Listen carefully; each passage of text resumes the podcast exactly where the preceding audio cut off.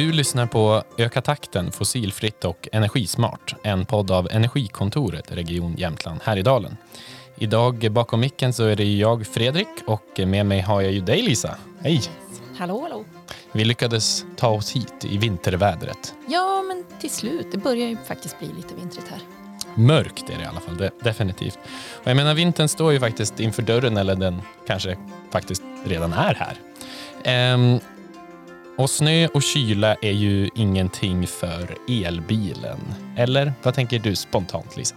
Ja, men man har ju hört rykten om att den ska eh, tappa i batteri och räckvidd och elände. Ja, och jag tänker att eh, istället för att du och jag ska stå här och spekulera så mycket så har vi ju faktiskt bjudit in en gäst som ska hjälpa oss att svara på den frågan och det är ju Robert Granström. Så välkommen Robert! Tack, tack! Du har ju varit med i flera olika projekt som handlar om elbilar och kyla och just nu så jobbar du med fordonstester på Swedish Proving Ground Association i Norrbotten. Vad, vad är det för någonting?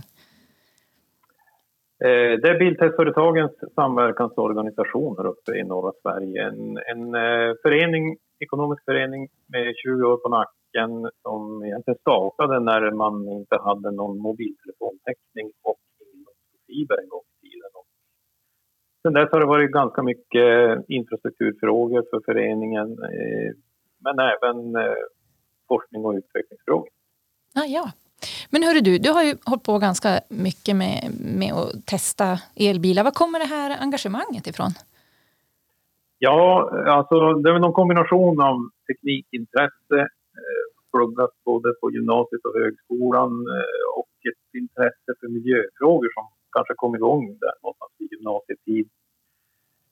Sen är det väl någonstans, jag tror att vi som bor lite inöver och norröver har väl kanske en regional värdegrund vi bryr oss om varandra och vårt samhälle på ett annat sätt. Sen har jag jobbat med testfrågor sen ja, examen. Eh, och numera så låter jag som min gamle chef. Han brukar säga det som testas blir åtgärdat. Och eh, det ligger mycket i det. Ja. Vi behöver testa mer. Ja, och som sagt, du, du har ju varit, redan varit inne på det lite grann, men du, du har ju faktiskt eh, varit med i projekt där ni har testat just hur elbilar fungerar i, i kyla. Eh, fundera lite grann på hur, hur gör man egentligen när man ska, ska testa det? Jag menar, temperaturerna varierar ju lite grann. Mm. Ja, men eh, det är väl så här, alltså, till att börja med eh, folk brukar ju vara förvånade över att ja, men bilen går mycket kortare på vintern. Och eh, problemet är att, att, om man ska berätta hur långt en bil går på vintern så fungerar det inte med den här traditionella förbrukningstestmetoden som man har. Va? Eh, där man egentligen försöker efterlikna snittbilistens snittförbrukning sommartid. Mm. Och det, där, det här är en eh. sån där just cykel som egentligen alla nya bilar går igenom när man testar. Hur långt Exakt. man kommer. Och, Ja, och, och, den har blivit jätteviktig för att kunna berätta att den här bilen den släpper bara ut 95 gram per kilometer eller sådär. Va? Mm. Men det, det, är ingen bra lösning. Alltså, körcykeln har en snitthastighet på 46 kilometer i timmen. Vi behöver kompletterande information om landsvägskörning vintertid. Just det. Och vi har valt att försöka belysa det här även utifrån perspektivet att någon gång försover det sig. Och det är liksom konsumenten vill ju veta ja, men hur, hur kort kommer jag när det är som värst. Så, så eh, det vi gör är att vi, vi fryser ner bilen till minus 20. Vi kör den i 90 kilometer i timmen konstant fart på en rundcirkelbana som är 3 kilometer lång och, och en, en, en anläggning, biltestanläggning egentligen som har lånat ut. Så ni liksom kör in en bil i en stor frys, är det det vi ska föreställa oss? Och så... Eh, precisligen. Ja. ja, det, är, det, är, ett garage med, med ett kylaggregat som, som eh, kan frysa ner bilen ännu kallare om vi Vi kör ju tills eh, bilen stannar, eller egentligen inte tills bilen stannar utan när, när bilen antingen slår av värmen eller sänker farten eller indikerar att nu, nu är det bara noll kilometer. Mm. Men minus 20 sa du, varför har man så låga temperaturer? Varför funkar det inte med minus 5 eller minus 12? Ja, men, men alltså minus 20 är ju lite uselt egentligen som vintertemperatur även det. Ja, men man får ju sällan minus 30 på beställning. Eh, minus 20 får vi ju ganska ofta. Antingen är det på väg upp till 20, eh, eller, eh, alltså upp ovanför 20 eller på väg ner under 20. Men, eh, I och med att vi tar ner det till minus 20 så får vi ett ganska relevant test. Eh, och med en kall bil så får vi även med uppvärmningsförloppet, vilket faktiskt påverkar ganska mycket.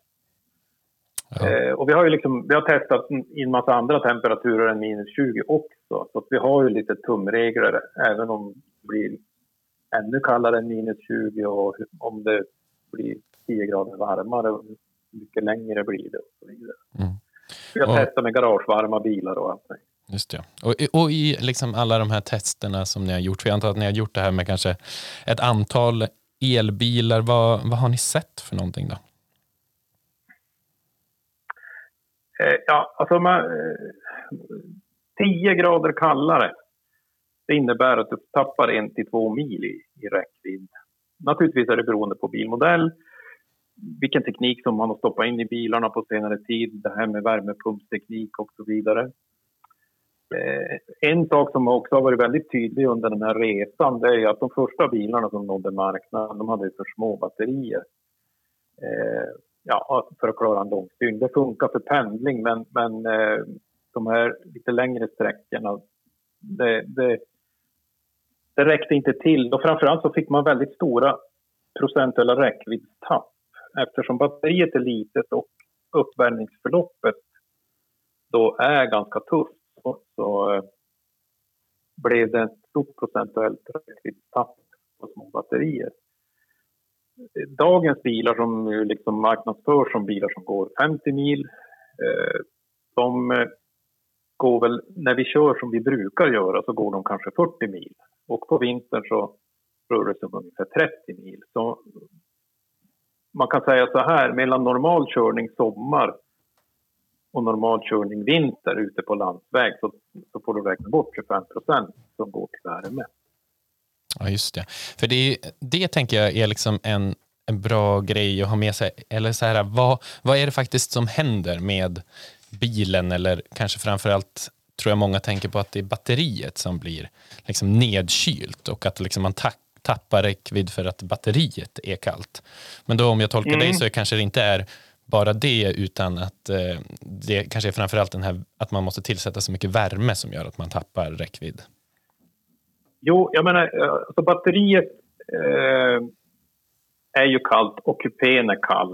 Eh, så mm, och det finns ju ingen annanstans än ifrån batteriet som du kan få energi för att värma upp.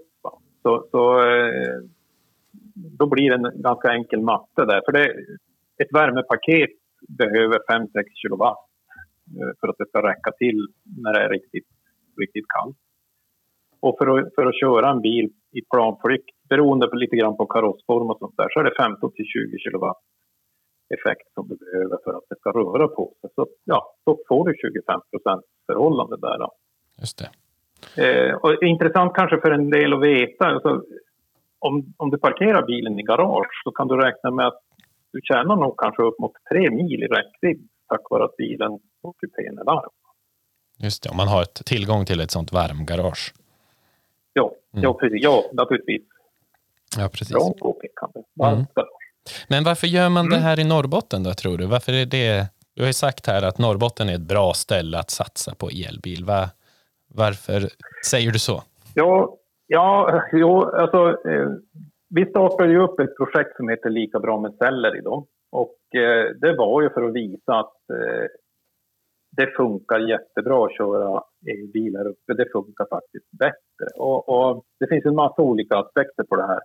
Till att börja med så, vi bor i villa och vi kan ladda hemma. Eh, sen är det ju så att vi kör oftast ganska långt per år och det är enkelt att nå brytpunkten som idag ligger någonstans kring 2000 mil per år. Då. Du tänker för att den ska vara ekonomiskt liksom jämförbar? För att den ska vara ekonomiskt, mm. ja precis. Så vi, vi behåller ju kanske ofta bilen dessutom längre än de här tre åren som man brukar säga.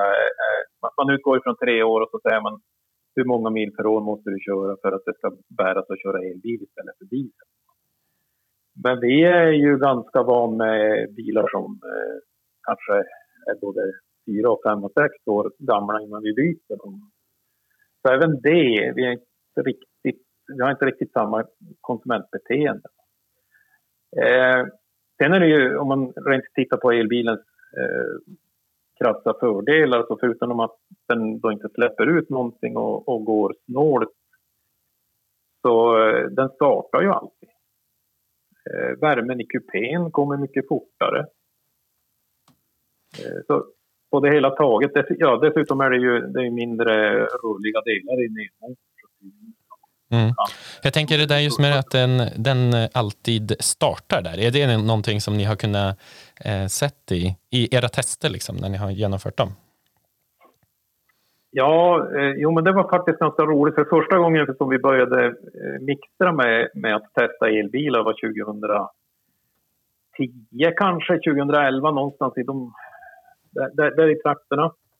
Och, och då, då hade vi väl precis samma uppfattning som väldigt många fortfarande kanske har att, ja, men, eh, att batterier och vinter och kyla, det funkar ju inte. Men det är ju precis tvärtom. Det, det var ganska eh, lustig upplevelse nästan att, att eh, gå ut till en eh, norsk elbil som var eh, nedfrusen till minus 37 grader, sätta sig i och fullständigt odramatiskt rulla iväg. Va? Och då vet man ju att är det 37 minusgrader och då har en bil med förbränningsmotor så är det inte alls säkert att den tänder till. Ja, då är det ganska gnissligt faktiskt. Nej, skulle du starta din bil då? Jag skulle säkert försöka, men jag skulle ångra mig sen. Men hörru du, när du ja. säger så här, när du säger att Norrbotten är ett bra ställe att satsa på elbil, vad, hur, tas det, hur har det uttalandet tagits emot? Tror folk på det? Är du, eller blir du kallad dokstolle då? Jag tänker att det är ganska, ganska förankrat. Ja med diesel och, och bensin? Ja, men, eh, lite grann så här. Va? Man, man, man brukar hålla med om de här argumenten som jag nämnde. Mm.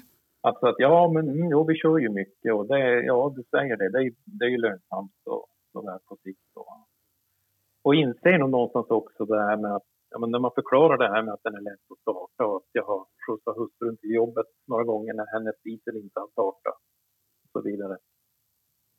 Så man är med på det. Men sen kommer det ju alltid samma... Eh, men du vet, för min del funkar det ju inte.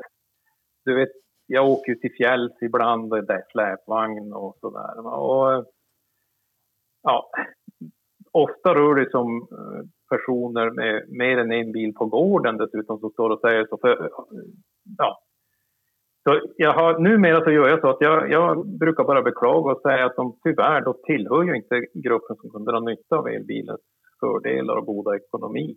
Mm. Och jag tror att, att eh, ja, jag vet inte. Faktaresistenta personer måste ju liksom få enkla saker att fundera över om jag, om jag nu är övertydlig.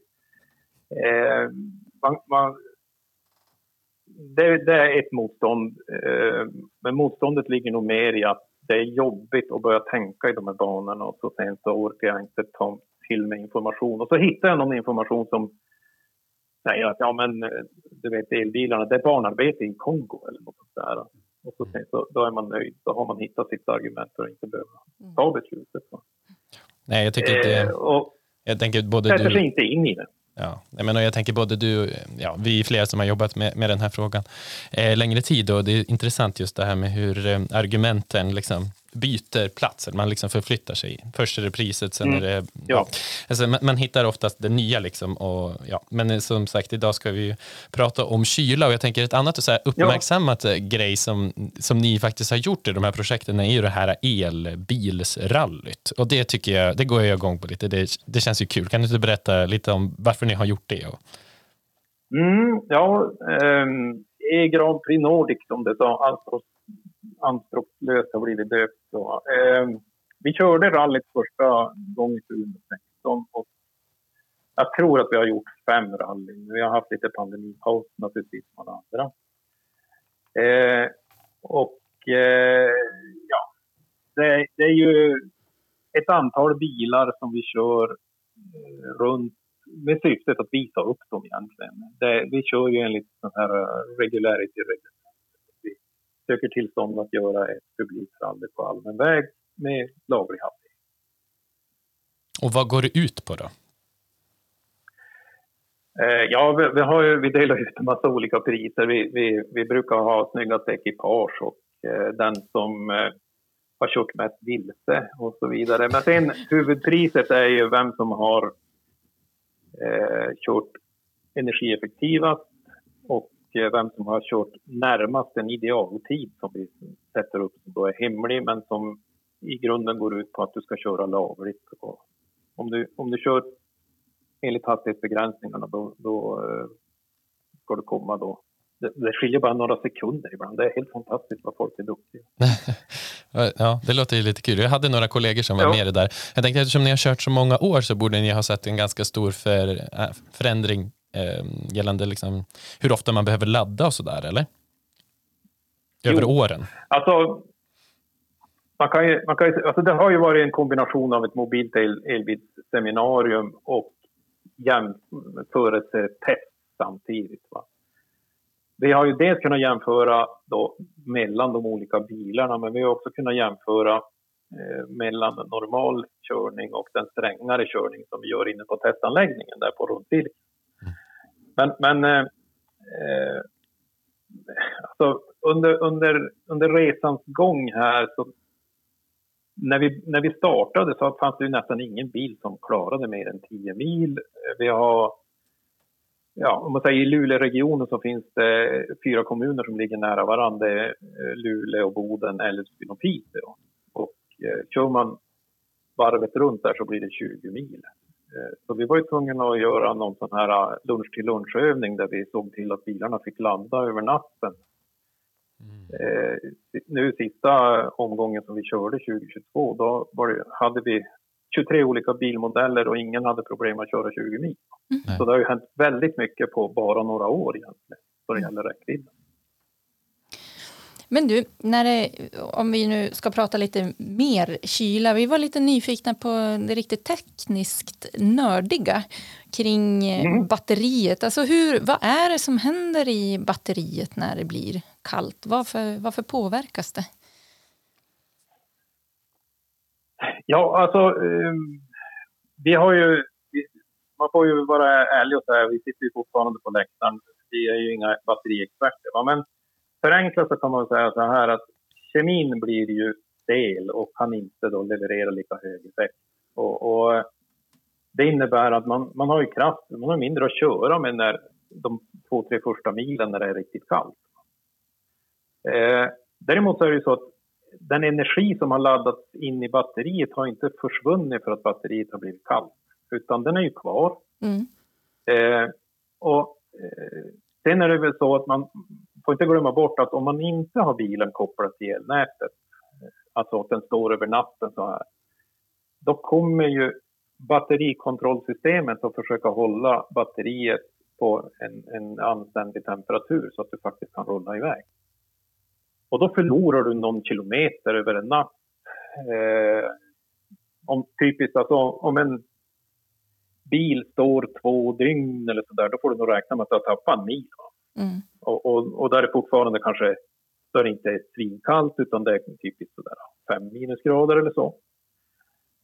Eh, så lite förenklat så kan man säga att så länge som batterikemierna är som de är idag så, så kommer du att få mindre att köra med i början när du startar. Men, men jämfört med en, en eh, fossilbil med ett blybatteri som eh, mer eller mindre stendött och noll kilometers räckvidd så är det ju ganska, ganska stort lyft i, i vintertillgänglighet på ditt fordon. Mm.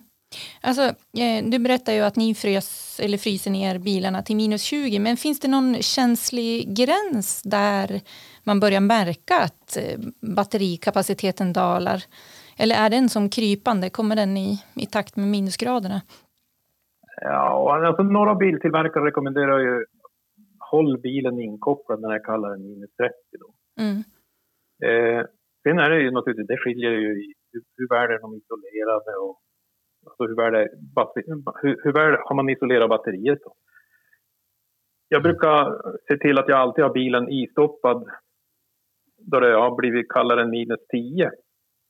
Sen är det väl egentligen så att om man då är lite glömsk som farbrorn börjar vara själv då så, så är det ju egentligen inte fel att ha en rutin att alltid ladda batteriet, stoppa i det på natten eller på kvällen. Eh, så jag, jag, jag skulle vilja säga så här.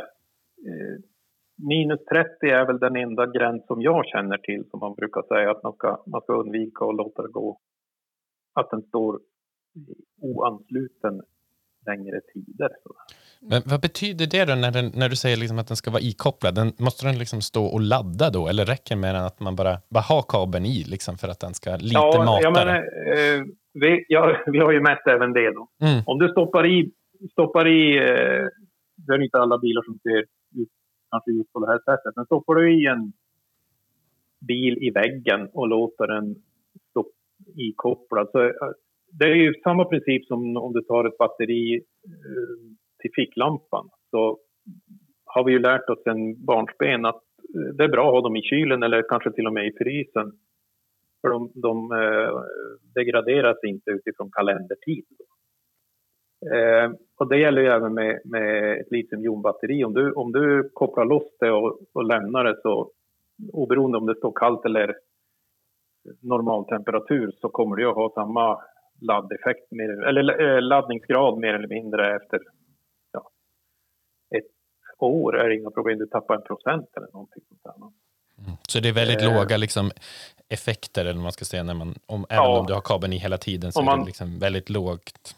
Den matar man, på om, om den är fulla. Prata, ja, ska man prata teknikspråk så är, har, har, har litiumbatteriet låg inre resistans. Så det, det tjuvdrar inte ur sig själv då. Och, och ju kallare desto, desto mindre påverkan får det där. Mm.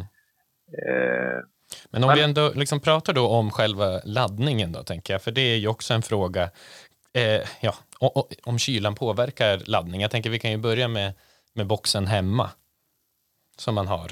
Ja, ja det, det var det jag tänkte säga. Mm. Om, om du stopp, kopplar i bilen där det är minus 35 grader kallt då går eh, bilen igång typiskt kanske med 5-6 timmars mellanrum och värmer batteriet lite grann. Och den energi som går åt då, det är ungefär vad en motorvärmare skulle förbruka. Eh, alltså det blir sam, ungefär samma effekt. Det rör sig om några hundra watt som, som går åt i, i, i uppvärmning. Och den kanske värmer i en halvtimme eller någonting sånt där. Och så sen så slår den av och så sen så går den igång igen efter ett antal timmar. Då. Och det är för att hålla batteriet på en temperatur som gör att bilen rullar iväg utan vidare. Just det. Men jag tänker du kommer hem, du har varit iväg en, en sväng eh, och du har batteriet på halv, hälften och så kommer hem och ska ladda och det är minus 20. Hur, hur påverkar det då liksom laddtiden? Ja, det är ingen, det här, ja, man kan säga så här att du, du har ju en aspekt där, bra. Det, eh, ett kallt batteri kan du inte snabbladda. Men om du kommer hem med ett batteri och har kört det halvtomt som du säger. Mm. Du kommer aldrig att märka att det batteriet är för kallt. Att det kommer att ta all laddning det behöver. Mm. Från vägguttaget eller från, från eh, wallboxen för att det, det, är så låga laddeffekter. Det är när man går upp i höga laddeffekter som, som eh, batterikontrollsystemet säger ifrån och säger att nej, batteriet är för kallt, vi måste förvärma det ordentligt. Så det börjar komma den typen av teknik också som med navigatorn eh, håller reda på att nu närmar du dig laddaren som du ska använda. Nu värmer vi upp batteriet automatiskt. Ja, precis. Och då pratar vi om när man är ute på, på vägen och liksom vill snabbladda. Så, eh, så tar den ju emot mm. bättre då, effekt om själva ja. batteriet är, är varmt. Um... En, en, en liten grej som jag brukar påpeka det är ju att, att det är ganska många som kommer in med sin mobiltelefon, den har varit i bröstfickan. Eh, så säger telefonen ladda mig, då ska man inte göra det utan man ska vänta 20 minuter eller stoppa det i bakfickan och vänta i 10 minuter i alla fall så att, så att telefonen får upp värmen. För det, tydligen så sker det någonting med batterikemin, man kallar det för pläteringseffekt. Då. Så, så att eh, batterierna skadas eh, av att laddas när de är kalla. Men bilen håller reda på det. Mm. Men eh, du nämnde ju att man tappar ungefär 10 mil i räckvidd eh, eh, under vintern jämfört med sommaren. Är det här någonting som det bara är att acceptera som det är eller jobbar branschen med eh, batterikapaciteten vintertid på något vis? Jo, men det gör de ju. Alltså det, dels så, så har man ju sett till att sätta in eh, olika typer av värmepumpslösningar och sånt där för att minska liksom, den procentuella påverkan från värmesystemet relativt hur mycket som behövs för att driva bilen. Då. Mm. Men eh, sen så händer det ju, man pratar ju om en massa olika batterikemilösningar framöver. Jag är dåligt påläst. Man pratar om solid state. Och solid state ska jag väl inte ha då samma tröghet när det gäller liksom, eh, ja, att, att, att batterikemin blir trög när det är kallt utan batterikemin fungerar på samma sätt om det är kallt eller varmt. Eh, jag tror dock att man jobbar mer med att försöka hantera den riktiga akilleshälen för batterierna och det är sådana här Arizona-temperaturer där man liksom har sett att framförallt luftkylda batterisystem har drabbats snabbt av korta ja, Och då pratar vi värme då eller? Då pratar vi värme. Ja, just det. Ja. Är det, för det är väl kanske lite så, värme är nästan ännu sämre för batteriet eh, än kyla? Ja, det, det, det, det, låter som att det finns tre viktiga faktorer för batteriets livslängd. Eh, och, och, det ena är naturligtvis om du inte använder det så ofta så stoppar det längre. Och det andra är kalendertiden helt enkelt. För hur, hur gammalt är batteriet? Mm. Eh, det tredje är om, om batteriet är utsatt för höga temperaturer. Men omvänt så är det ju så här också. Att, jag menar, det finns ju det finns ju bilar som har gått både 40 och 50 och 60 000 mil på samma batteri och eh, till och med taxibilar som har liksom utsatts för frekvent snabbladdning och, och sådär. Så det, det är ju faktiskt riktigt bra redan nu. Mm. Eh, att det sen finns lite, lite ja, svagheter just att du inte kan snabbladda på samma sätt när det är, när det är riktigt kallt det, det, hanterar man genom att du, du, får, stå, du får dricka en kaffekopp till. Mm. Just det. Gör lite jumping jacks för att hålla värmen själv, kanske där i kylan. Ja. eh, men jag funderar på, det, det, man slår sig av också, det är ju om ni har gjort de här testerna och sett det här eh, liksom förändringen mm, ja, i räckvidd för elbil, liksom, vet, har vi någonting att jämföra med? Du sa 25 procent ungefär 20-25 procent mindre. Om man tänker på en fossilbil, hur mycket mer liksom drar den när det är så här kallt som i ert test? Liksom?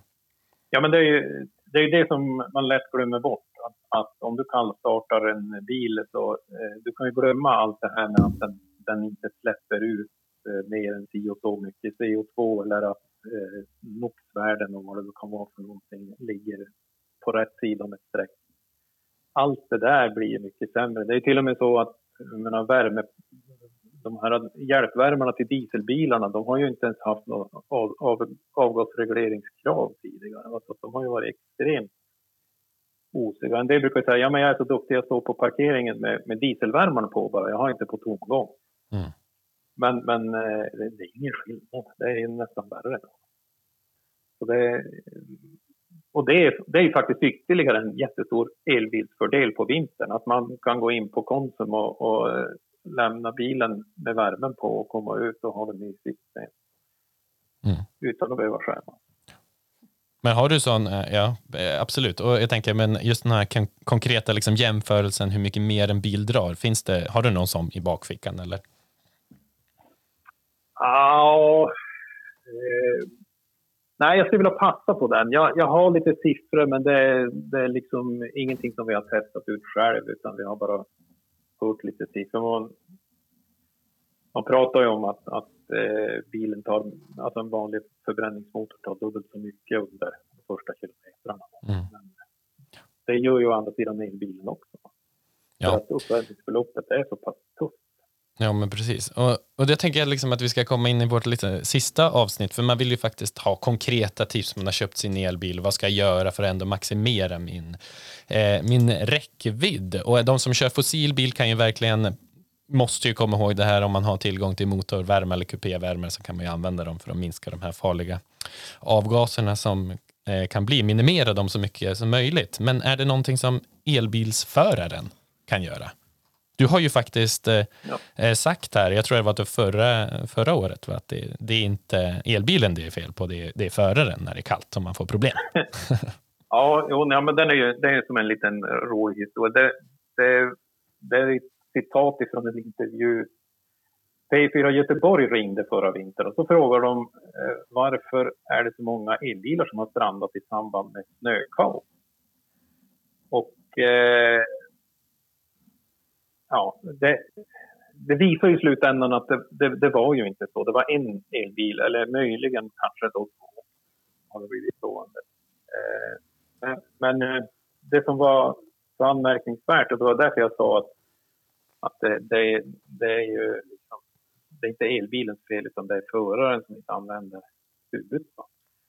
Eh, du kan använda en elbil som en värmestuga liksom i de här temperaturerna när det är snökaos, minus fem grader, så kan du hålla värmen i ja, ett eller två dygn utan vidare. Va? Mm. Förutsatt att du har fulladdat batteri. Och, och, logiken här då, från min sida i alla fall, kanske en vedbodslogik från Norrland, men, men eh, man ger sig ju inte ut i snökaos eller minus 30 om bensintanken börjar vara tom.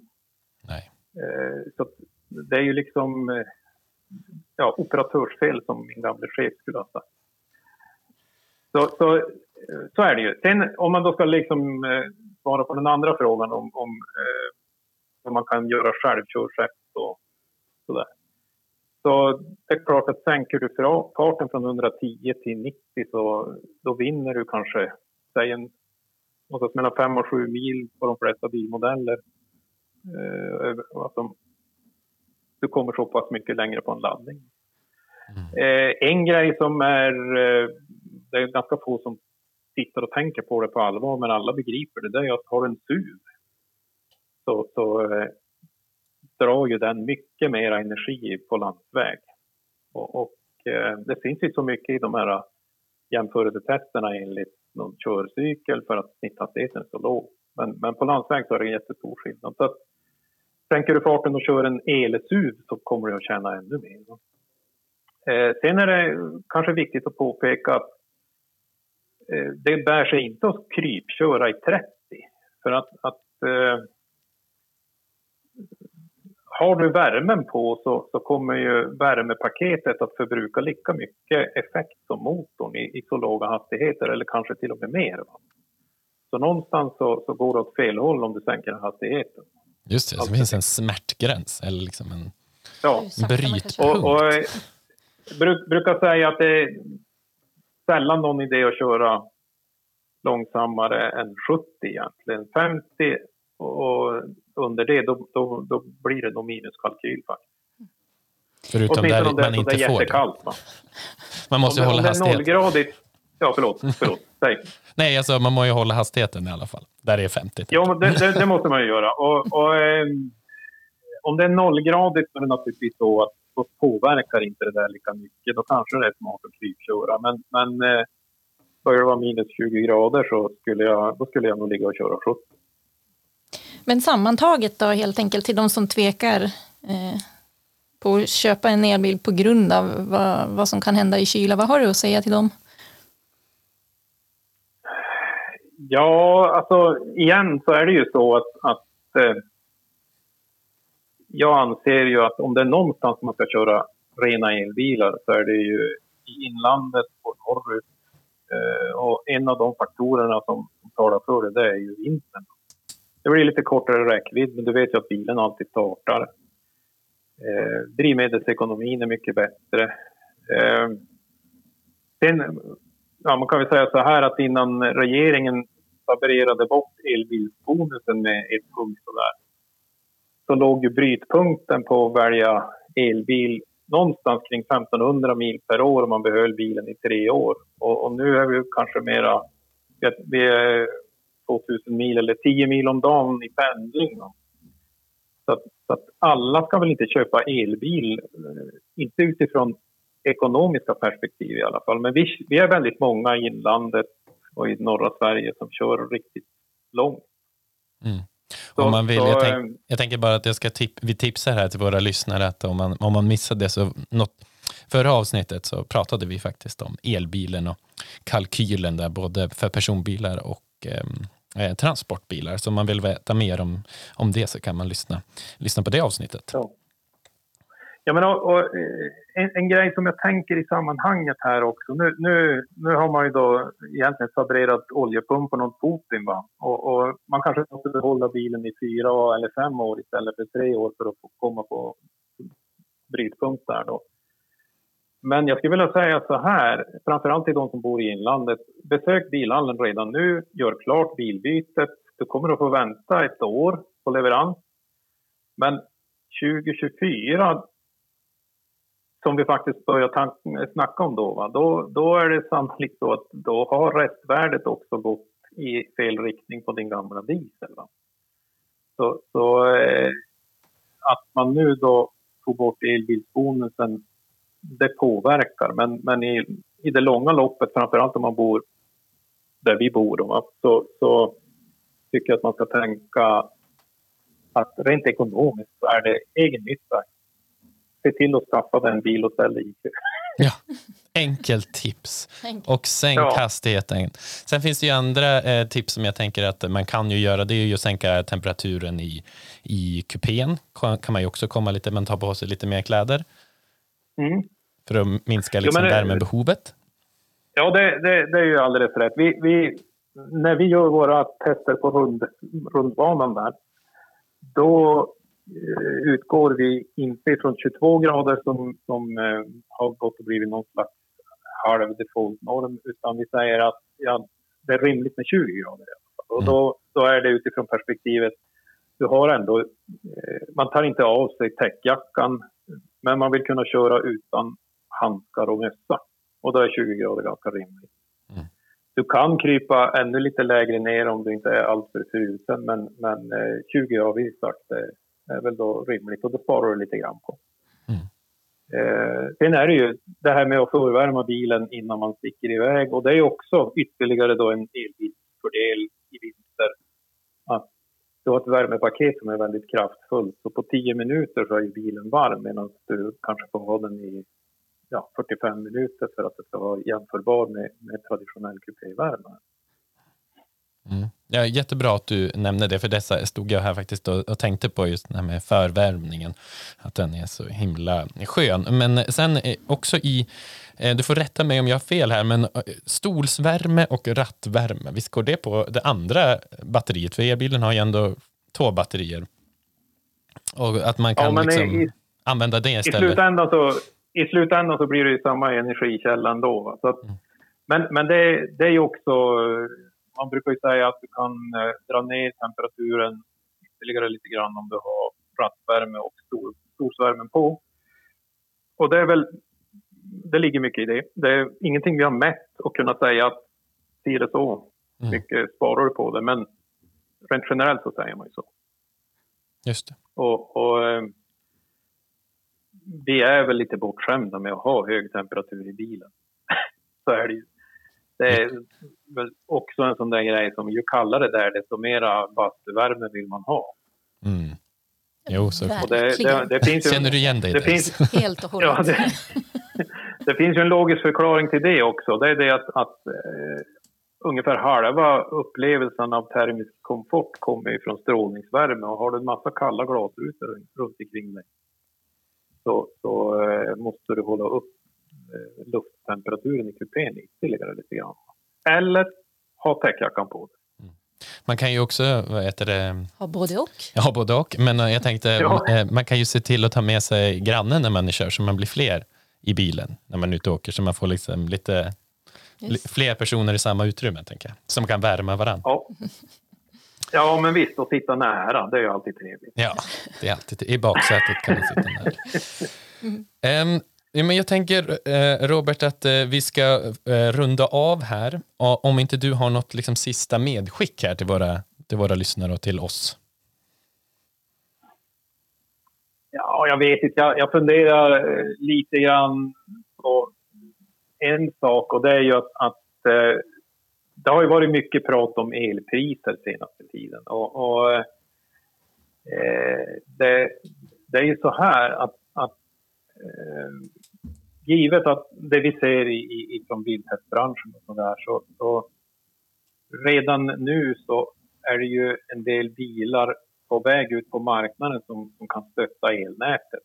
Det är inte affärsmodeller som klart, men eh, man ska, jag tror det är viktigt att man, man betraktar elbilen inte som ett problem när det gäller de här effekttopparna i elnätet och höga priserna utan faktiskt en del av lösningen. Mm. Eh, det är en intressant fråga för biltestverksamheten rent generellt. Men, men framför allt så är det, det är så här att, att eh, den mängden elbilar som idag, eller laddbara bilar som idag finns, det är väl i trakterna kring 400 000 bilar. Om man skulle koppla upp alla de bilarna på lägsta effekt, eller om vi säger på en fas 16 ampere och Alltså via en traditionell wallbox köra ström till nätet istället för att ta ström från nätet. Mm. Så motsvarar den lilla fordonsparken ett helt kärnkraftverk i effekt. Mm. Jag tycker att det, det är en riktigt spännande tanke faktiskt. Ja, alltså det är Luleå tekniska universitet avdelningen Skellefteå som håller på med elkraftsteknik som har suttit och snickrat och räknat lite grann på det där. Det är säkert fler än, än de som har räknat ut Eh, den här typen av siffror. Va? Och det, det, är lite, det är lite knasigt faktiskt att eldebatten har liksom helt missat eh, det här med energilager. Eh, och, och jag skulle vilja säga så här, det är ganska sannolikt att vi kommer att betrakta bilarna som mobila energilager i framtiden. Mm. Jag tycker ja, det, det, är ju verkligen eh, spännande och vi, vi var ju inne, vi var inne och snuddade på det här också i ett tidigare avsnitt när, vi, när det handlar om elbilen och krisen. Hur, hur man kan använda elbilen om det till exempel blir strömavbrott och så när man får det här vehicle to grid som är det vi, vi snackar lite grann mm. om nu. Ja. ja. Eh, men, jättebra eh, inspel och eh, tack så otroligt mycket för att du var med och gästade våran podd. Eh, jag tror att det var många som fick med sig mycket och eh, jag tror mm. att vi mm. också har lärt oss mycket, eller hur Lisa? Ja, men, ja, men vad, vad roligt att höra och, och eh, jag, jag, kom på en annan grej som man skulle kunna nämna bara så där i förbifarten och det är ju att, att Eh, vi får inte, vi som bor norröver får ju eh, liksom visa viss förståelse för de som bor söderut eh, och inte bli upprörda över att man nu liksom tar bort elbilsbonusen precis när man på allvar börjar satsa på publik laddinfrastruktur här uppe. Det är ju så pass mycket mer lönsamt för oss att åka elbil, så vi, vi får ha överseende med det. Jag tycker att det var ett äh, fint sista medskick faktiskt. det var det. Ja. Men eh, tack så, så mycket Robert, så får du återgå till eh, ditt eh, i testverksamheten där hemma. Ja, men, eh, tusen tack. Jätteroligt att vara med. Roligt att träffa er och resonera om elbilar. Det borde vara med på den här samtalet. Ja, tack så mycket. Hej då. Tack, tack. Tack, hej. Men jag tänker att eh, ni som lyssnar där ute, ni behöver ju inte bara hålla er till det här poddavsnittet. Jag tänker om ni vill veta mer eller liksom ha hjälp och stöd av oss på Energikontoret så kan man ju vända sig till oss, eller hur Lisa? Ja, vi finns ju nämligen här för dig. Skicka ett mejl till energikontoret regionjh.se så hjälper vi dig. Och det här avsnittet har finansierats av Europeiska regionala utvecklingsfonden, Region Jämtland Härjedalen, Region Västernorrland, Länsstyrelsen Västernorrland, Länsstyrelsen Jämtland, Biofuel Region, Hemab och Kramfors kommun och Sollefteå kommun. Ja, då var vi väl färdiga för den här gången, eller? Ja. Håll utkik på nästa avsnitt, tänker jag. Yes.